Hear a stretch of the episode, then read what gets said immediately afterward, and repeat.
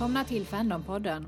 Idag kommer, spelar vi upp ifrån Jönköping, närmare bestämt Kulturhuset på Tändsticksområdet. Och vi som spelar in är Carl-Johan Norén. och Eva Holmqvist. Eh, dagens tema är betaläsning och vi tänkte vi skulle prata både betaläsning när man hjälper författare till att göra deras verk bättre men också när man själv tar hjälp av andra för att låta sina texter bli bättre. Vad är dina erfarenheter av betaläsning, Carl-Johan? Jag har bara varit betaläsare åt andra författare. Eh, jag har inte skrivit någon skönlitteratur själv på det viset. Eh, min första var med en eh, vän till min fru där jag betaläste hennes färdiga roman och gav synpunkter på den. Men min största och viktigaste erfarenhet är nog åt en amerikansk SF och fantasyförfattare som heter Rick Spore. Eh, som har gett ut ett antal böcker eh, åt Bayern i USA och jag har betaläst i stort sett åtminstone tre fjärdedelar av hans senare utgivning sedan 2014 eller sådär. Hur många böcker rör det sig om ungefär? Oh, det rör sig kanske om eh, fem utgivna böcker nu, romaner, plus ett antal noveller samt en eller två böcker som några böcker som inte har kommit ut än, inklusive en som kom ut nu i, no, i december. Eh, Tycker du att eh, det med tiden har ändrat sig, liksom karaktären på betaläsningen i och med att du har lärt känna författaren och eh, texterna bättre? Ja, det, det gör ju en skillnad, speciellt när man sitter med en, en serie. Och mycket av det han skriver gör, görs ju liksom i, i trilogiformat eller i serieformat. Eh, det är lite annorlunda när man liksom närmar sig en helt ny värld. Sen hade han en ganska ganska redan eh, klar organisation för hur han gjorde, la upp texterna till oss och sådär. Så det har inte varit några här justeringar ur den aspekten förutom att vi flyttade från Live Journal till, Dre- till eh, Dreamwave egentligen för, för något år sedan. Då hade han ganska mycket erfarenhet av betaläsning redan sedan tidigare. Ja, vi är väl en, nu, är, nu är han ju en, eh, en sån här person som har ett ganska stort stall av betaläsare. Mm. Det är kanske 40 personer totalt sett på betaläsningslistan. Vi är väl åtminstone 15 som ger synpunkter regelbundet under en viss bok. Och 15 till som ger synpunkter då och då kring en viss bok. Och sen, men sen så flyttar man sig lite mellan rollerna beroende på vilken bok det man lägger ut just nu. Mm. Eh, vi ska återkomma till dina erfarenheter alldeles strax. Mina erfarenheter är ju från båda sidorna. Dels så skickar jag inte någonstans iväg en text utan att någon har betaläst det. Alltså oavsett om det är en novell som ska med i en tävling eller vad det än är. Så jag använder alltid betaläsare för alla mina texter. Eh, men sen så har jag själv betaläst ganska mycket. Dels eh, folk jag känner naturligtvis. Men eh, sen också folk jag inte känner särskilt väl. Så att jag har betaläst bland annat där jag känner förläggaren och jag har betaläst då den, en av författarna på det förlagets texter. Så det var på uppdrag av förlaget mer än författaren i det fallet. Ja, i så det det var liksom var det lite, då, då är det lite mer lektörssyssla åt det hållet, dragning. Ja. Eh, sen ska vi vara tydliga med att jag inte utbildad lektör eller någonting och det visste förläggaren. Ja, Eh, för det, det är lite skillnad tycker jag att eh, om man har en ordentlig utbildning inom området eller om man bara älskar texter och har gjort det ett antal gånger. Jag tror att det blir skillnad på vilken typ av respons man kan ge. okej. Mm, mm. Eh, sen har jag faktiskt eh, jobbat med Nathan von, van Coops, tror jag han heter. Det är han som har skrivit de här eh, tidsreseböckerna med In Times Like These och eh, Chronoton. Eh, och han hade något liknande upplägg som du hade varit med om. Eh, där han hade en stor mängd eh, betaläsare som läste vid olika tidpunkter. Och då var jag med och hjälpte honom betaläsa Faster than Falling som är en ny urban fantasy som han har skrivit. Okej. Så det var intressant att Ja. se det liksom ur den här lite massaspekten. Ja. Jo, alltså jag tror att det är ganska... Alla författare har ju sina... Beroende på liksom dels utgivningsform och dels Mm. författarens egna preferenser så finns det ju... är ju betaläsning kan ju innebära väldigt, väldigt mycket eller väldigt, väldigt lite. Ja, Och, det är eh, jättestor skillnad. Och eh, det är ju också en ganska stor skillnad mellan liksom att vara en av flera betaläsare eller att vara ensam betaläsare. Så mycket man kan skära i. När man, till exempel när man skriver fanfic så har ofta bara en eller två betaläsare. Mm. Som då får liksom ett mer redaktörsuppdrag eftersom de är så pass få. Mm. Ja men så är det ju och det är ju ganska stor skillnad. Men sen eh, upplever jag att det är ganska stor skillnad baserat på i vilket skede av processen du är inne och betaläser. Jag Ja. menar är det här en ganska tidig version eller är det en väldigt välpolerad version?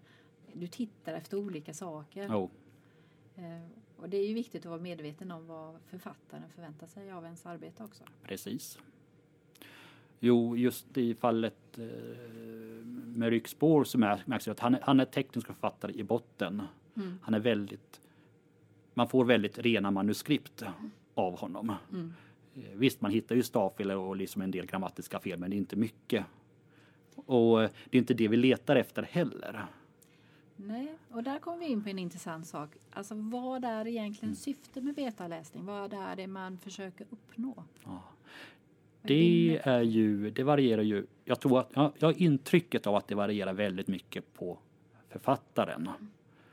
Eh, en del författare vill kanske ha den här polerande, hitta småfelen, stavfelen. I Ryxbås fall så är det väldigt, det som han är ute i första hand är veta, fungerar berättelsen? Kommer det jag vill säga fram? Mm. Är jag, är jag på rätt spår här? Det, det är väl hans viktigaste Mm. sak som väl han, han vill veta. Sen så eh, hjälper vi till med andra saker också, som, förutom den här rent språkliga eh, små sakerna. Ja. Så vi gör ganska mycket kontroll av eh, vi gör ganska mycket tittar väldigt mycket på, liksom, på konsekvensen i berättelsen. Är det någons lillebror som plötsligt bara försvinner från en, ett kapitel och sen försvinner han uppåt i handlingen fem kapitel senare. Mm. Då är det sådana saker som vi tar upp.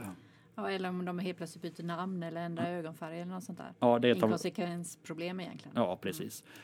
Eh, Jag, just det där småpolerandet med språket, det känner jag är mer korrekturläsning så det skulle jag inte sätta en betaläsare på. Nej. För det är lite olika vad du är ute efter. Eh, Men sen så har jag upptäckt, för när jag började så frågade jag egentligen de som var villiga att ställa upp. Ja, Eh, och det upptäckte jag ganska snart att det är inte alla som är sådär jättebra på att betaläsa. Eh, till exempel en av de första som hjälpte mig fick jag tillbaka att ah, boken är jättebra, jättespännande, fantastisk. Och det är jätteroligt att höra. ja, Eh, men betaläsning är ju innan boken är klar, vilket innebär Ja. att du vill ju ha reda på, okej men håller berättelsen, funkar strukturen, vad är det jag kan förbättra? jo, Eh, och då hjälper det inte så mycket att få höra att berättelsen är jättebra. ja, ja, Eller jättedålig om man hade hittat en betaläsare som inte gillade ens böcker. jo, Eh, så jag har lärt mig lite grann det där att det är viktigt att faktiskt komma fram till vad är det jag är ute efter som författare? Vad är det jag förväntar mig av den som betaläser? För det är så hemskt lätt att bara säga det, oh, men kan du läsa mitt? Och så Ja. har de ingen aning om vad det är egentligen det är ute efter, precis. eh, vad du ska leta efter. Ja. Och det är ju också någonting som eh, är, alltså Ryckspår är tydlig med att han, liksom, han vill veta hur, hur berättelsen fungerar. Sen, får, sen, och det är ju också en ganska stor skillnad, vi får boken ungefär medan den skrivs. Mm. Eh, så vi får liksom ett kapitel i taget. Mm. Eh, och i en del fall så kanske man får den färdiga boken Mm. direkt. Och det blir ganska stor skillnad på, på läsformerna i de där Mm. två fallen. Kan jag tänka. Eh, jag tror inte han har några betaläsare egentligen som liksom får det färdiga färdiga boken Mm. någonsin utan vi, liksom, vi får den Mm. Ungefär med en veckas fördröjning Mm. efter, med, efter att den har blivit, eh, varje kapitel har blivit skrivet. Mm. Så, och ofta är det så att han eh, i en del fall så har diskuterat med honom liksom om när han upplevt något, någon form av berättarmässigt problem att vi har diskuterat med honom.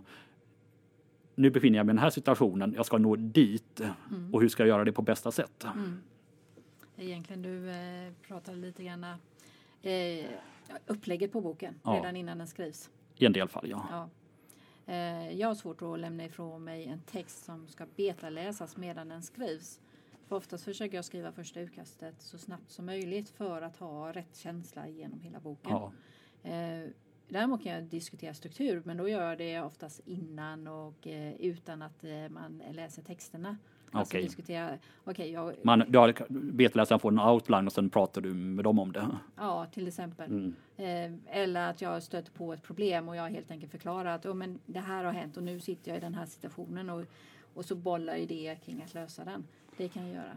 Men annars så eh, brukar jag försöka få första utkastet så snabbt som möjligt och då finns det ju en del inkonsekvensproblem efter det. Ja, Så då går jag igenom och gör en egen redigering innan jag skickar iväg det till någon annan. Eh, sen kan jag ge, skicka iväg det flera gånger senare. Men jag skickar aldrig iväg manuset innan jag har gjort de här två omgångarna, genomgångarna. japp. Eh, och det är lite grann också därför att det jag menar ju bättre grundmaterialet är desto bättre feedback får du. Ja. Alltså jag tror att det där är ju väldigt individuellt per författare.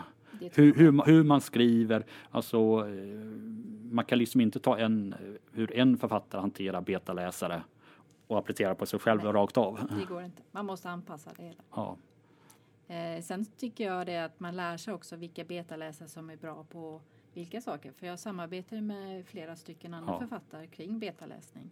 Eh, och jag vet ju vilka som är bra att titta på den strukturella delen och se Jaha. att allting hänger ihop och att motivation och sånt funkar. Eh, medan andra är mer att se att meningarna flyter och liksom eh, hänger allting ihop liksom på detaljnivån. ja och- ta detaljnivå betaläsningen i första läget är oftast ganska bortkastat. Det är bättre att ha någon som kan titta på de strukturella större delarna först. och jo, det kan jag tänka mig. Eh, vad skulle du säga är skillnaden mellan en betaläsare och en lektör eller redaktör? Jag skulle säga att den kanske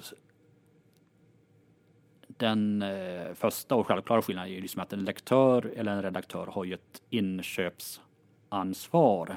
Det är någon kan säga att den här boken ska ges ut eller vi ska köpa in och ge ut den här boken eller inte. Där, där är vi liksom en, Då tänker du på Ja. någon som är på en tidskrift eller, eller på ett, förlag? eller på ett förlag. Eller, så där är liksom den första Mm. jätteskillnaden. Eh, så de närmar sig ju boken professionellt medan jag liksom närmar mig som, som, en, som en engagerad läsare mer. Mm. Och det är Så- ju stor skillnad. Det är en jättestor skillnad. Eh, en annan jättestor skillnad är ju det att i alla fall när jag betaläser hans böcker, Rycks, Mm. Rycks böcker, jag ofta ger så här synpunkter på att eh, det här kapitlet det fungerar inte på grund av det här och det här. Mm. Eh, men i redaktörsfasen har ju, får jag ibland ko- kommentarer som att här ska vi stryka de tre första kapitlen i boken. Mm. Och en sån sak kommer ju liksom säga liksom skulle aldrig jag säga eh, innan. Det kan nog hända att jag skulle säga. Ja, det är Om precis. jag, Men ver- om jag verkligen ser att det Ja. borde göras. i en del fall så ehm, just i fallet med ehm, i några fall så har jag liksom sagt att eh, och det gäller den här boken som kommer ut nu i december. Mm. Så sa jag liksom att eh, om den är sista kapitlet att det här är en jättebra slutpunkt på boken. Mm. Det sa jag. Eh, jag tror inte du behöver ett extra kapitel. Han ville ha det ändå. Mm. Eh, men det är ingenting som jag lägger mig i då heller. Jag, kan- jag kan ge det som en, liksom en allmän synpunkt men eh, det är aldrig så att jag kommer att propsa på det på något sätt heller. Nej, och lite grann är det väl så att författaren måste äga sin egen text, vilket innebär att eh, man får in synpunkter och Ja. man gör sitt bästa av dem. Men det är inte säkert att författaren löser på det sättet som du hade tänkt. Nej, alltså ofta är det så att jag säger att här har vi ett problem. Mm. Eh, Jag vet inte, Mary Robinette Kowal postade ett flödesschema för betaläsare Ja, eh, för någon månad sedan på Twitter. eh, En liten bild med, med scheman. Finns det ett problem här? Berätta vad problem Berätta, att du upp, berätta vad, som, vad du hände här för dig. Försök inte förklara problemet. Försök inte berätta för författaren om hur det ska lösas. Eh, nu bryter jag åtminstone mot att förklara problemet ganska ofta själv. Mm. Men jag tror att det, det, är väl lite i början när man är författare som man inte känner mm. så kanske det är bättre liksom att ge det här fungerar inte. Mm. Och sen så när man känner sig mer trygg som betaläsare vet, och författaren vet vad, vad för feedback man ger så kanske man kan fundera på att det här problemet beror på det här. Mm. Eh, så det är ju eh, så det är ju, eh, men jag kommer aldrig säga liksom att lös det här problemet på det här sättet. Ibland så kan jag ge för, förslag. Mm. Men eh, han, författaren får ju själv bestämma exakt hur. Mm. Och ibland så är det ju så att eh, det har varit med några gånger att eh, jag ger en synpunkt på att det här, det här stycket här fungerar inte så bra. Mm. Och författaren säger att det, här, det är inga problem med det här och sen kommer två andra arbetare som säger samma sak som jag. Precis. Och då, då får man liksom som författare veta att okej, okay, då har jag verkligen ett problem här. Mm. Men det är ju lite grann det om någon noterar någonting och du är absolut övertygad om att det där inte är något problem. Ja, men då kanske du möjligtvis kan skita i det. Fast jag brukar aldrig skita i det helt ja. och hållet. Men om det är flera som säger det, ja. då är det någonting. Sen är det inte säkert att lösningen är det som betaläsaren ser. Nej, precis. Jag kan ge ett, ibland så kan jag ge ett förslag till lösning. Mm. Men det är liksom, det är inte, det är inte min text. Nej. Nej, jag vet, eh, jag hade ett exempel, det var en novell där de kom till en främmande planet. Och eh, hon som klev av var från jorden och reagerade på att solljuset var så starkt. Ja. Och kallade det då för solen. Eh, och det, jag hade en betaläsare som tyckte att det borde ju vara en stjärna för det här är ju inte våran sol. Ja. Det här är ju en, en sol längs en annan. Eh, men där kände jag lite grann det att ja, men som människa så säger du nog solen i alla fall. Så då förtydligar jag istället så att det blev planeten sol, vad eh, solen ja. hette. Så blev det tydligt att det var den solen det handlade om, inte jordens sol. Ja. Eh, men att kalla det för stjärna kände jag inte riktigt stämde överens med eh, karaktären.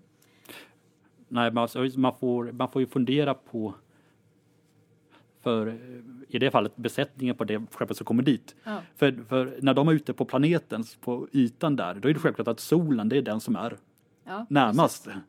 Det är den närmaste ljusstarkaste stjärnan som ger värme och eh, allting. Ja. Och det så, blir lite underförstått att det är den. Ja, så då får man liksom eh, trixa in det på något sätt i, i den förklarande texten. Men i dialogen skulle jag definitivt kalla det bara säga solen. Ja.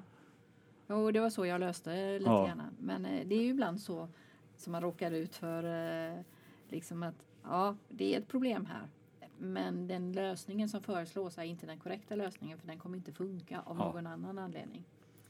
Ehm, sen, så eh, det är sällan som jag säger att här är det fel utan jag konst, kon, försöker mer koncentrera mig på fungerar det här? Mm. Funger, eller fungerar det här dåligt? Eller fungerar det här inte alls? Lägga mig på den ja aspekter snarare än ifall det är bra eller dåligt för det blir rätt så binärt. Ja, och egentligen bra eller dåligt är ju inte det som är intressant utan ja, men jag hänger inte med här. Ja. Jag fattar inte vad du menar. Det är typiskt ett bra indikation från en betaläsare att man faktiskt inte förstår. För oftast är det så att man som författare så har man en väldigt tydlig bild i huvudet. Jo. Men det är inte alltid man får ner den på pappret. Eh, jag hade ett sånt exempel. Det var det visar lite grann också vikten av att hålla reda på sina eh, versioner. Ja. Eh, då var det så att jag hade ju skickat iväg en novell eh, för betaläsning och fick jättebra synpunkter. Och jag höll på med väldigt mycket annat just då för jag höll på och gjorde sista slutredigeringen av det här testmanuset, den testboken. Samtidigt som jag skulle leverera den här novellen då ja. så jag skrev den ganska snabbt. Och eh, var lite disträ.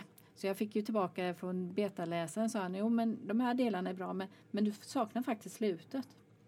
Och när jag tittar på det så insåg jag det, ja jag hade det i huvudet men jag hade ju inte skrivit ner det okay. Så jag hade liksom slutat eh, några scener innan det riktiga slutet var. Och så skulle jag skicka det till nästa efter jag hade redigerat det. Och så eh, kom den betaläsaren tillbaka och sa, jo eh, det är några små saker här och den är rätt bra men, men den saknar ju ett slut. Okej. Okay. och då var liksom, hjälp, vad har hänt nu? Har jag fortfarande inte fått fram slutet? Och så öppnade jag dokumentet och insåg det, hmm, jag hade skickat henne fel version. Ja, så hon det... hade fått den första, så hon hade sagt exakt samma som första betaläsaren. Ja, ja. Eh, Jo, jag känner igen det alltså när jag jobbade som översättare. En gång skickade jag en eh, halvfärdig, den icke korrelästa eh, översättningen till kunden. De var inte, Mm. Det löste upp sig men det var ändå inte sådär jättekul. Nej, det var inte det. Som tur var så kände jag ju båda de här två så jag kunde ju bara be om ursäkt och säga det. Mm, jag strulade till det lite. Jo. Eh, Jo, men just det här med olika versioner är det eh, i, ett, i en av böckerna som han skrev, Ph- Phoenix Rising, Mm. så här, en fantasyroman, eh, mycket D&D inspirerad. Ganska kul läsning faktiskt. Mm. Eh, så genomgick den ganska mycket redigering innan den kom ut. Mm. Eh, bland annat fick han, hade han skrivit några kapitel som han senare strök. Men vi- fick läsa dem. Det var två, tre kapitel som han senare strök eftersom de inte riktigt gjorde boken lite för lång och liksom Mm. inte riktigt passade in i den slutliga handlingen. Han fick även eh, kommentar från redaktören om att stryka tre, eh, som, det var de, jag tror det var de tre, fyra, fem första kapitlen som liksom var en ren prologgrej. Mm. Och det kunde man göra Mm. utan att det, liksom, det störde strukturen i boken.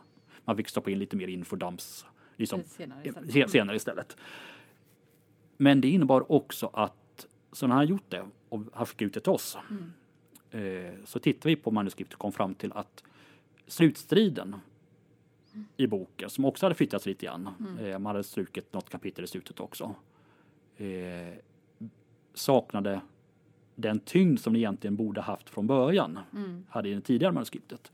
Så då fick man göra lite ändringar i vem som hade varit liksom, tidig skurk i de första kapitlen. Det var inte, det var inte någon stor, det, var ganska, det var en okänd person så det var liksom inte någon stor ändring ur den aspekten. Men vi fick kommentera om att här, så, här, fick, här hade den där ändringen genomslag på fler ställen än man räknade med. Ja. Och det är lätt hänt alltså att man inte riktigt ser alla ändringar som behövs när man gör en sån Ja. större ändring. Men det innebär ju också det att det, det, när jag när vi skulle läsa del två och tre i boken Mm. så fanns det dels en del scener och kapitel som hade strukits som liksom påverkade lite hur de agerade i nästföljande böcker. Mm. Så vi satt med, liksom med tre olika versioner i skallen. Liksom, vilken, är, vilken egentligen är det egentligen som är, var det här kom, var påverkas den här serien jag läste av just nu av något som jag ve, vet att Rick Spår strök Ja. innan boken kom ut. Ja. Så det, det, det, är liksom en liten fa, det var liksom en liten fara där man, eh, när man fick kolla, ibland fick man gå tillbaka till och, och kolla efter att ja, Alltså det där är jättesvårt för även eh, Alltså det är svårt att komma ihåg i vilken Mm. version någonting står. ja, Eh, och det vet jag eh, för eh, Oskar eh, Kjellner brukar hjälpa mig och betaläsare och han är väldigt bra på struktur så han brukar oftast läsa ganska tidiga utkast. Och så var det någonting han sa till eh, någon av besökarna på bokmässan kring blodskifte då som han eh, var ja, eh, berättarläste då för. Och jag konstaterade efteråt det, du, det där är ändrat. Det där är helt justerat. Han läste en tidig version och det är ganska mycket ändringar från Ja. den versionen han läste. Precis. Jo, jag, alltså jag kan tänka mig det. Mm.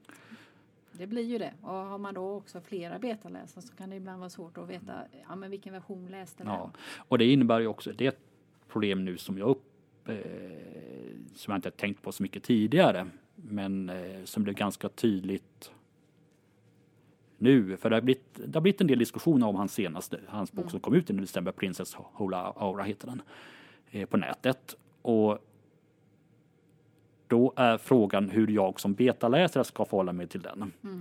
Eh, det finns ju en del folk som diskuterar provkapitlen Mm. som man kommer ut nu. Och, eh, men de läser man ju bara tillgång till den biten. Mm. Jag har liksom tillgång till hela boken plus förarbetena. Ja. Det blir Så- en helt annan situation. Så, jag, så eh, jag har kommit fram till att det bästa som jag kan göra i de här grejerna är egentligen att hålla käften. Mm. För hur jag än säger någonting annat än rena självklarheter så blir det på något sätt lite fel. I alla fall upplever jag det som. Ja men det blir det. Och det upplever jag också att när jag har betaläst en bok så jag kommenterar den inte, den färdiga boken. Nej. För jag kan mycket väl kommentera någonting som sen är ändrat som jag inte har koll på. Alltså det kan bli väldigt, väldigt fel om man ger sig in i en diskussion utan att faktiskt, eh, man har, man har lite för Ja. mycket information. Man har för information om någon tidig version som kanske Ja. inte alls liksom det Och det, det, på något sätt är ju liksom, det ändå, det är också det här med konfidentialiteten, förtroendet mellan betaläsare och Ja. författare också. Den är eh, jätteviktig. Jo, Och det måste man ju vara beredd på att om man betaläser någon att man faktiskt är beredd på att inte ha vitt och brett prata om den här boken. För det kan ju också vara så att eh, den kommit ut för om ett år. ja, precis. Alltså nu vet jag att den här boken kommer ut i december, så därför kan jag prata om den. Ja. Eh, men eh, så det är, eh, men det, det är också någonting, i en del fall så har jag skrivit recensioner av böcker som jag betaläst. Mm. Eh, men då är liksom, då kan man liksom väga sina ord på guldvåg på ett helt annat sätt. Ja, det kan man göra. Eh, och det har jag gjort på några men eh, inte alla. Det beror lite grann på hur tidigt jag betaläser Ja. också. Alltså hur färdig är den som jag sen eh, läser. För är det väldigt, väldigt tidigt då känner jag att ja, men då behöver jag läsa om den färdiga boken. Ja, självklart. Jo, alltså i det fall då jag gjort det så har jag liksom läst den Mm. färdiga boken eller näst på den färdiga boken. Eh, hur känner du när du har betaläst eh, någonting och lagt ner väldigt mycket energi på det och läst en ganska tidig version? Är du eh, sugen på att läsa en slutliga bok? Eh, det varierar lite grann. Alltså i det här fallet så är det ju så att vi får inte eh, det är inte de här stora revisionerna egentligen som vi ut, utifrån hur ryggspår fungerar, jobbar som, eh, jobbar som författare. Mm. Utan det vi får liksom det här, ofta får vi ingen outline. Eh, I den senaste boken alltså fick vi det från början Mm. eh, eftersom men det var liksom ett undantag. Så att får vi ingen outline, vi får liksom kapitlarna Mm. ett efter ett tills boken är färdig. Och han eh, tillhör de här systematiska, liksom han är lite som eh, skrivstilen lite som eh, de här gamla brödskrivarförfattarna som Kjell Genberg och de. Mm. Så som kan få ut sig ett eh, väldigt polerat manus redan i första vändan. Mm. Eh, så eh, ofta så liksom, ligger vi liksom eh, Ofta så blir som draft 2 blir liksom på redaktörens Mm. synpunkter eh, från förlaget. Så, eh, och då ofta får vi tillgång till det om det inte är liksom bara små saker. Mm. Eh, I en del fall så går jag tillbaka och tittar på böckerna som jag har läst tidigare. Men det är inte alltid jag gör det. Nej. Nej, det beror väl lite grann på om det behövs eller inte. Ja, Nej, jag tycker det också. Det är lite skillnad på baserat på hur du ger feedbacken. Det var en sak eh, med den här Nathan Von Coops då med Fast and Falling som jag tyckte var lite svårt för där var det enbart skriftlig eh, eh, kommunikation. okej. Eh, och han fick ju in liksom skriftliga kommentarer då. Sen hade han ju möjlighet ifall han hade frågor att höra av sig och ställa frågor. Men i, generellt sett så var det liksom eh, en väldigt envägskommunikation. Man Okej. läste texten och så gav kommentarer då. Ja, Eh, I många andra de fall där jag betaläser då kan det till och med vara så att ja, men jag och författaren träffas och går igenom kommentarerna så att jag kan förklara hur jag tänker. okej. Eh, och det upplever jag egentligen ger ganska mycket. Okej. Sen är det inte alltid som det är möjligt utan en del saker så är det ju liksom eh, ja, du ger kommentarer och eh, eh, i dokumentet och sen så har du en mejlkonversation om eh, frågor som författaren har. Eh, Men egentligen skulle jag nog säga att jag föredrar det där när man faktiskt eh, dels har de skriftliga kommentarer men man sen kan förklara vad man menar med dem. Ja, För det blir lätt missförstånd när man bara har någon enstaka ord. Eh, Men det är mycket enklare när man har haft en dialog innan och sen läser ytterligare ett manus. Ja, men då kan det funka bättre att Ja. bara ha den skriftliga kommunikationen. För Okej. då känner man till varandra och vet ungefär hur man uttrycker sig. ja. I vårt fall så sker ju all kommunikation elektroniskt egentligen. Eh, sen så är det ju, det som han har är ju liksom en forumgrej. Så Ja. alla vi betaläsare läser tillsammans och ger synpunkter, ger synpunkter tillsammans också. Mm. Så vi kan, vi kan ju se vad de andra betaläsarna säger. Mm. Eh, Här var det kommentarer i själva dokumentet. Så att du hade ett gemensamt delat dokument. Så Okej. du såg ju de andras kommentarer också.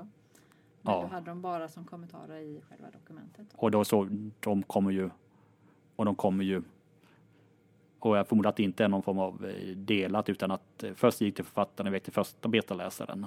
Nej, det var Okej. ett delat. Det var ett delat Eh, dokument. nu kommer jag inte ihåg vad det var för eh, verktyg. Men tänk typ Google Drive eller något liknande. Där alla kan eh, redigera och skriva in kommentarer. Ja, Eh, Så på så vis så funkar det ju bra. Men det blir ju ändå sådär att man känner ibland att ja, men det här borde jag kanske förklara lite bättre. ja. Jo, alltså jag kan se fördelar med ett sådant system. Samtidigt så kan jag tänka mig att eh, just i, speciellt ifall man liksom jobba med flera stycken betaläsare så kan det kanske bli väldigt rör, rörigt egentligen. Mm. Ja, jag eh, tänker som så att det kanske till och med kan bli så att det blir väldigt mycket motstridiga kommentarer Ja. som kan vara svårt att förhålla sig till. Jo, eh, i en del fall så har det liksom blivit eh, diskussioner mellan betaläsarna om ibland om helt irrelevanta saker, ibland också om hur en viss bit av texten egentligen. Mm. Eh, men det just nu i, det borde ju såklart på författaren, men där så tror jag att fanficken har en, i och med att de har den här en community, en att man är en grupp Mm. Eh, Man har känner en samhörighet mellan författare och betaläsare. Eh, och det tror jag kan vara väldigt värdefullt för många författare. Ja, men det tror jag också. Definitivt. För det blir ju en helt annan kontakt med författaren och eh, verket liksom. Om Ja. du kan hjälpa till. Och som författare är du ju guld värt. Men också jämt mot de andra betaläsarna. Mm. Eh, veta att jag vet att den här biten i den här boken kan inte jag, jag känner att någonting är jag är osäker på ifall någonting är fel här. Mm. Men jag vet att det finns en annan betaläsare som har direkt personlig erfarenhet som är relevant för det avsnittet. Så jag, behöver inte, jag Ah. kan släppa den biten där. Ja. Okej, ni känner varandra så pass väl. Ja, alltså, vad- nu har vi, alltså, de flesta av oss har ju liksom betaläst åt hans böcker nu i Ja. tre, fyra år. Så vi vet ju lite, alltså vi känner inte varandra så där jättemycket. Vi vet ungefär Mm. vilka synpunkter som vi brukar komma med. Vi vet lite om vilken bakgrund vi har. Ja. ja, det är nog eh, värdefullt. Och jag känner lite grann som författare själv att det är, det är viktigt att veta eh, vad den betaläsare som läser mitt, vad den har för bakgrund och vad den, alltså vad är det den letar efter? Ja, Eh, för att annars så kan man gå väldigt vilse för man kanske förlitar sig på någon om att jo men det finns inga logiska luckor och så just den betaläsaren ser inte logiska luckor. mm -mm. Eh, Men det är någon annan väldigt bra till. Man, man behöver känna egentligen sina betaläsare bra. tycker jag. Eh, Men det är ju inte lätt när man just börjar. Så man måste ju börja någonstans. Jo, precis. Eh, Har du någon eh, rolig anekdot eller någonting som har hänt medan du Ja, inte sådär jättemycket. Nej, det är inte sådär jätteroligt. Ibland så spårar diskussionerna ut eftersom vi är liksom flera stycken som pratar, diskuterar samtidigt och Mm. diskuterar någonting helt annat. Eh, men det är, ungefär det, det är ungefär det som händer egentligen. Ja. Nej, det är, det är mest komiskt även när man blandar ihop versionerna misstänker jag. Jo. Det är ett ganska torrt arbete på många sätt. Mm, det är det, men det kan vara väldigt kul och väldigt Ja. givande. Jag tycker själv att det är väldigt givande när man kan hjälpa någon annan och faktiskt förbättra texten. Jo. Det är ju så. Eh, Men sen så gäller det ju att fråga efter, okej, men vad är det du är ute efter? Om du inte får det redan från början. Precis. Eh, Tittar jag på strukturen till exempel, ja men då korrekturläser jag inte. För det är ingen mening, Ja. för allting kommer ändå skrivas om. Precis. Alltså, och det, det gäller ju att veta liksom också hur, vilket, hur författaren skriver i det här fallet. Mm, precis. Ja, för det är också en viktig sak att du kan inte ändra på författarens språk, uttryckssätt, vad det är för någonting som författaren försöker säga. Nej. Det är liksom grundläggande grejer. Det kan du inte ändra på. Ja. Och jag kan ännu mindre ändra på författarens egen skrivprocess. Nej, det kan du inte heller göra. Eh, och det gäller ju att vara medveten om det så man inte försöker liksom göra om det här till någonting annat. Mm. Eh, det var som, ja, det här var en recension, men Eh, och det var inte min text kan jag ju tillägga om någon undrar. Men det var en humoristisk text som var liksom en satir. Och sen hade någon kommenterat och recenserat den som om det vore en skräckhistoria. Okej. Och det blev väldigt konstigt liksom.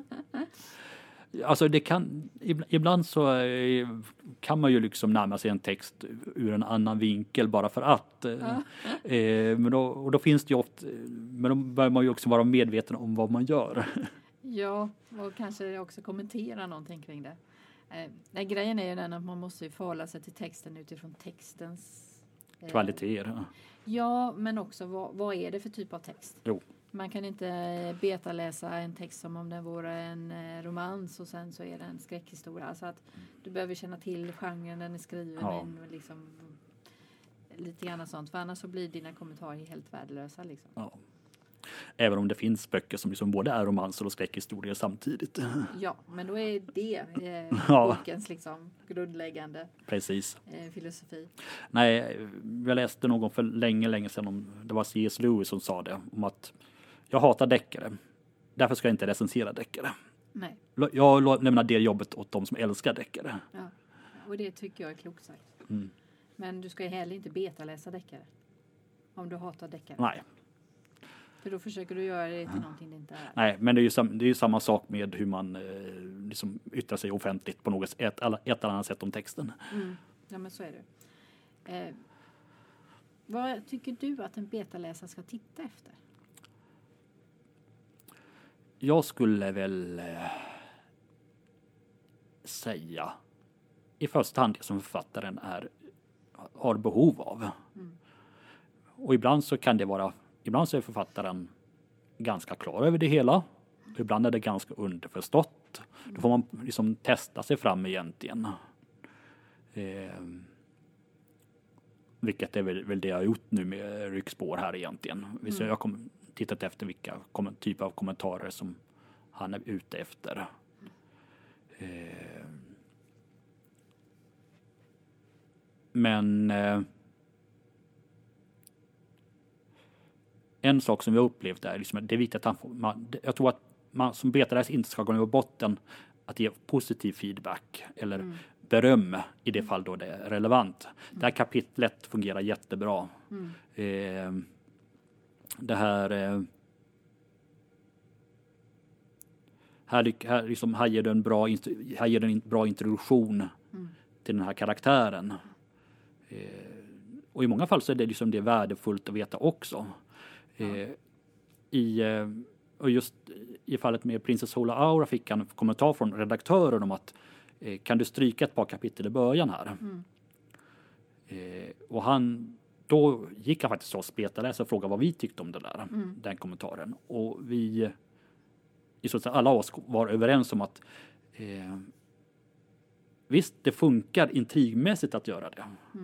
Men eh, du, du skulle ta bort så mycket av att etablera huvudpersonens karaktär.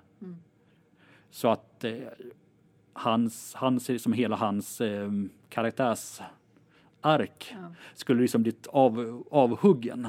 Och, och boken skulle bli mycket, mycket sämre på grund av det. Så det är, eh, och då hade han, liksom, då hade han det självförtroendet att kunna säga till redaktören och säga att nej, vi gör inte det. Nej. Jag kan stryka en del andra saker men inte det. Nej, men alltså det, är, det är lika viktigt att kommentera på styrkor som Ja. på svagheter. Eh, för att eh, annars kan det ju bli så att man skriver om den och då tappar styrkorna. Ja. Du bara påpekat svagheter liksom. Precis. Eh, och det är inte heller bra. Nej. Nej, om det är så att eh, jag inte har hört någonting, alltså att om inte författaren själv säger någonting, så brukar jag titta bland annat på hur karaktärerna funkar. Ja. Eh, har de en tillfredsställande ark? Mm, Eh, känner jag med dem? Kan jag relatera till dem? precis. Eh, sen strukturen, alltså är allting liksom uppbyggt på ett vettigt sätt så att eh, jag känner att ja, men, den är spännande hela vägen. Så det inte helt plötsligt finns ett mittenparti som är Saggar och Ja. inte, inte riktigt leder någonstans. Eller? Nej, precis. Och att tempot funkar. Ja. Eh, men också sådana här saker som att det är samma stuk på hela, eller samma stil på hela berättelsen. Jag vet, jag läste en bok eh, för flera år sedan och eh, då var liksom stuket på den var ungefär, jag skulle säga att den var riktad mot 12 till 15 år Ja. ungefär. Och sen så var det två scener i som var sexscener Okej. eh, som var, de var inte grova på något sätt, Nej. men de var en helt annan stil på, det- från resten av boken. Ja.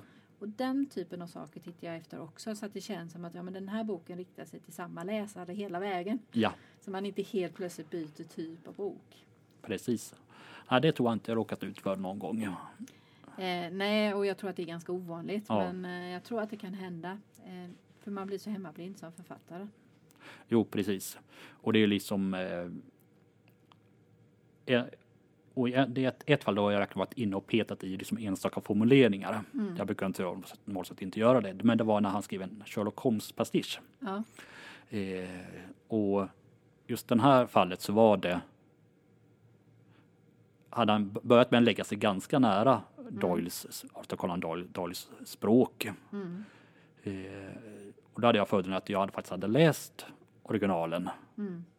för inte sådär jättelänge sedan då och kom ihåg, liksom, kom ihåg stilen ganska väl. Ja. Så då kunde du liksom gå in och säga liksom att nej, eh, det här ordet här, Mm. det här uttrycket här, det använde aldrig Doyle i den här betydelsen. Eh, jag tror det var I knew I could count on you. Mm. Eh, jag litar på dig. Men det använd, Doyle använde aldrig uttrycket count på det viset. Nej. Och då liksom, då rycker man ut eh, lite ur eh, ja, men det gör man ju. Ja. Och, ibland så vill man göra det. Eh, men i det här fallet så kunde jag liksom påpeka att det, det rycker ur mig lite ur berättelsen här med de här Mm. orden. Så kan man ge då kommentarer kring det hela. mm.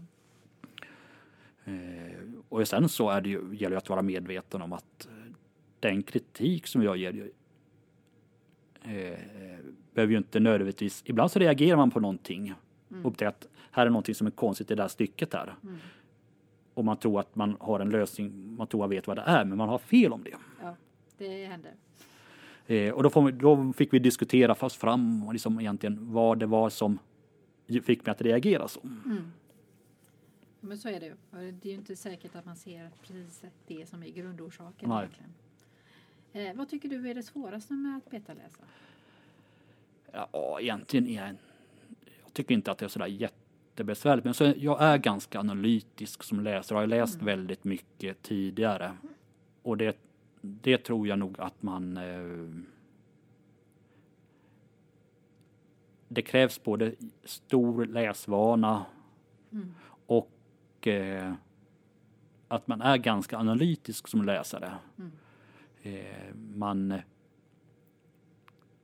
man behöver en viss petighetskänsla mot texten. Mm. Men samtidigt kunna liksom veta att den ska inte, den ska inte ta överhanden. Nej, Nej eh, det tror jag också att man behöver vara lite analytisk för att överhuvudtaget vara bra som betaläsare. För du behöver på något sätt kunna se texten som text och Ja, inte bara leva dig in i det hela. precis. Eh, Det som jag kan, ibland kan tycka kan vara svårt är om man betaläser för någon som man inte känner så väl.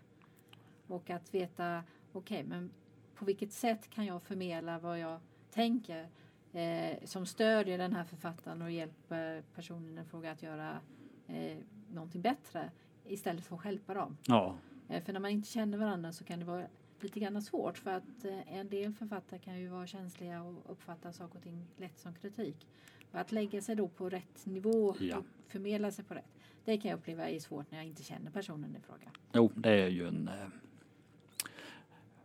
det är ju ett allmänt kommunikationsproblem. Ja, det, är ju det. Men just när man eh, eh, pratar, Konst. Eh, ja, de, och pass- de är, det är- från själen liksom. ja, och det, man pratar med konstnären själv. Ja, då kan det vara eh, Det blir lite, rätt, lite känsligt, ja. Ja, det kan vara det. Eh, när det gäller att eh, få hjälp av betaläsare eh, då handlar det mer om att hitta den betaläsare som faktiskt också klarar av att förmedla sina intryck. ja.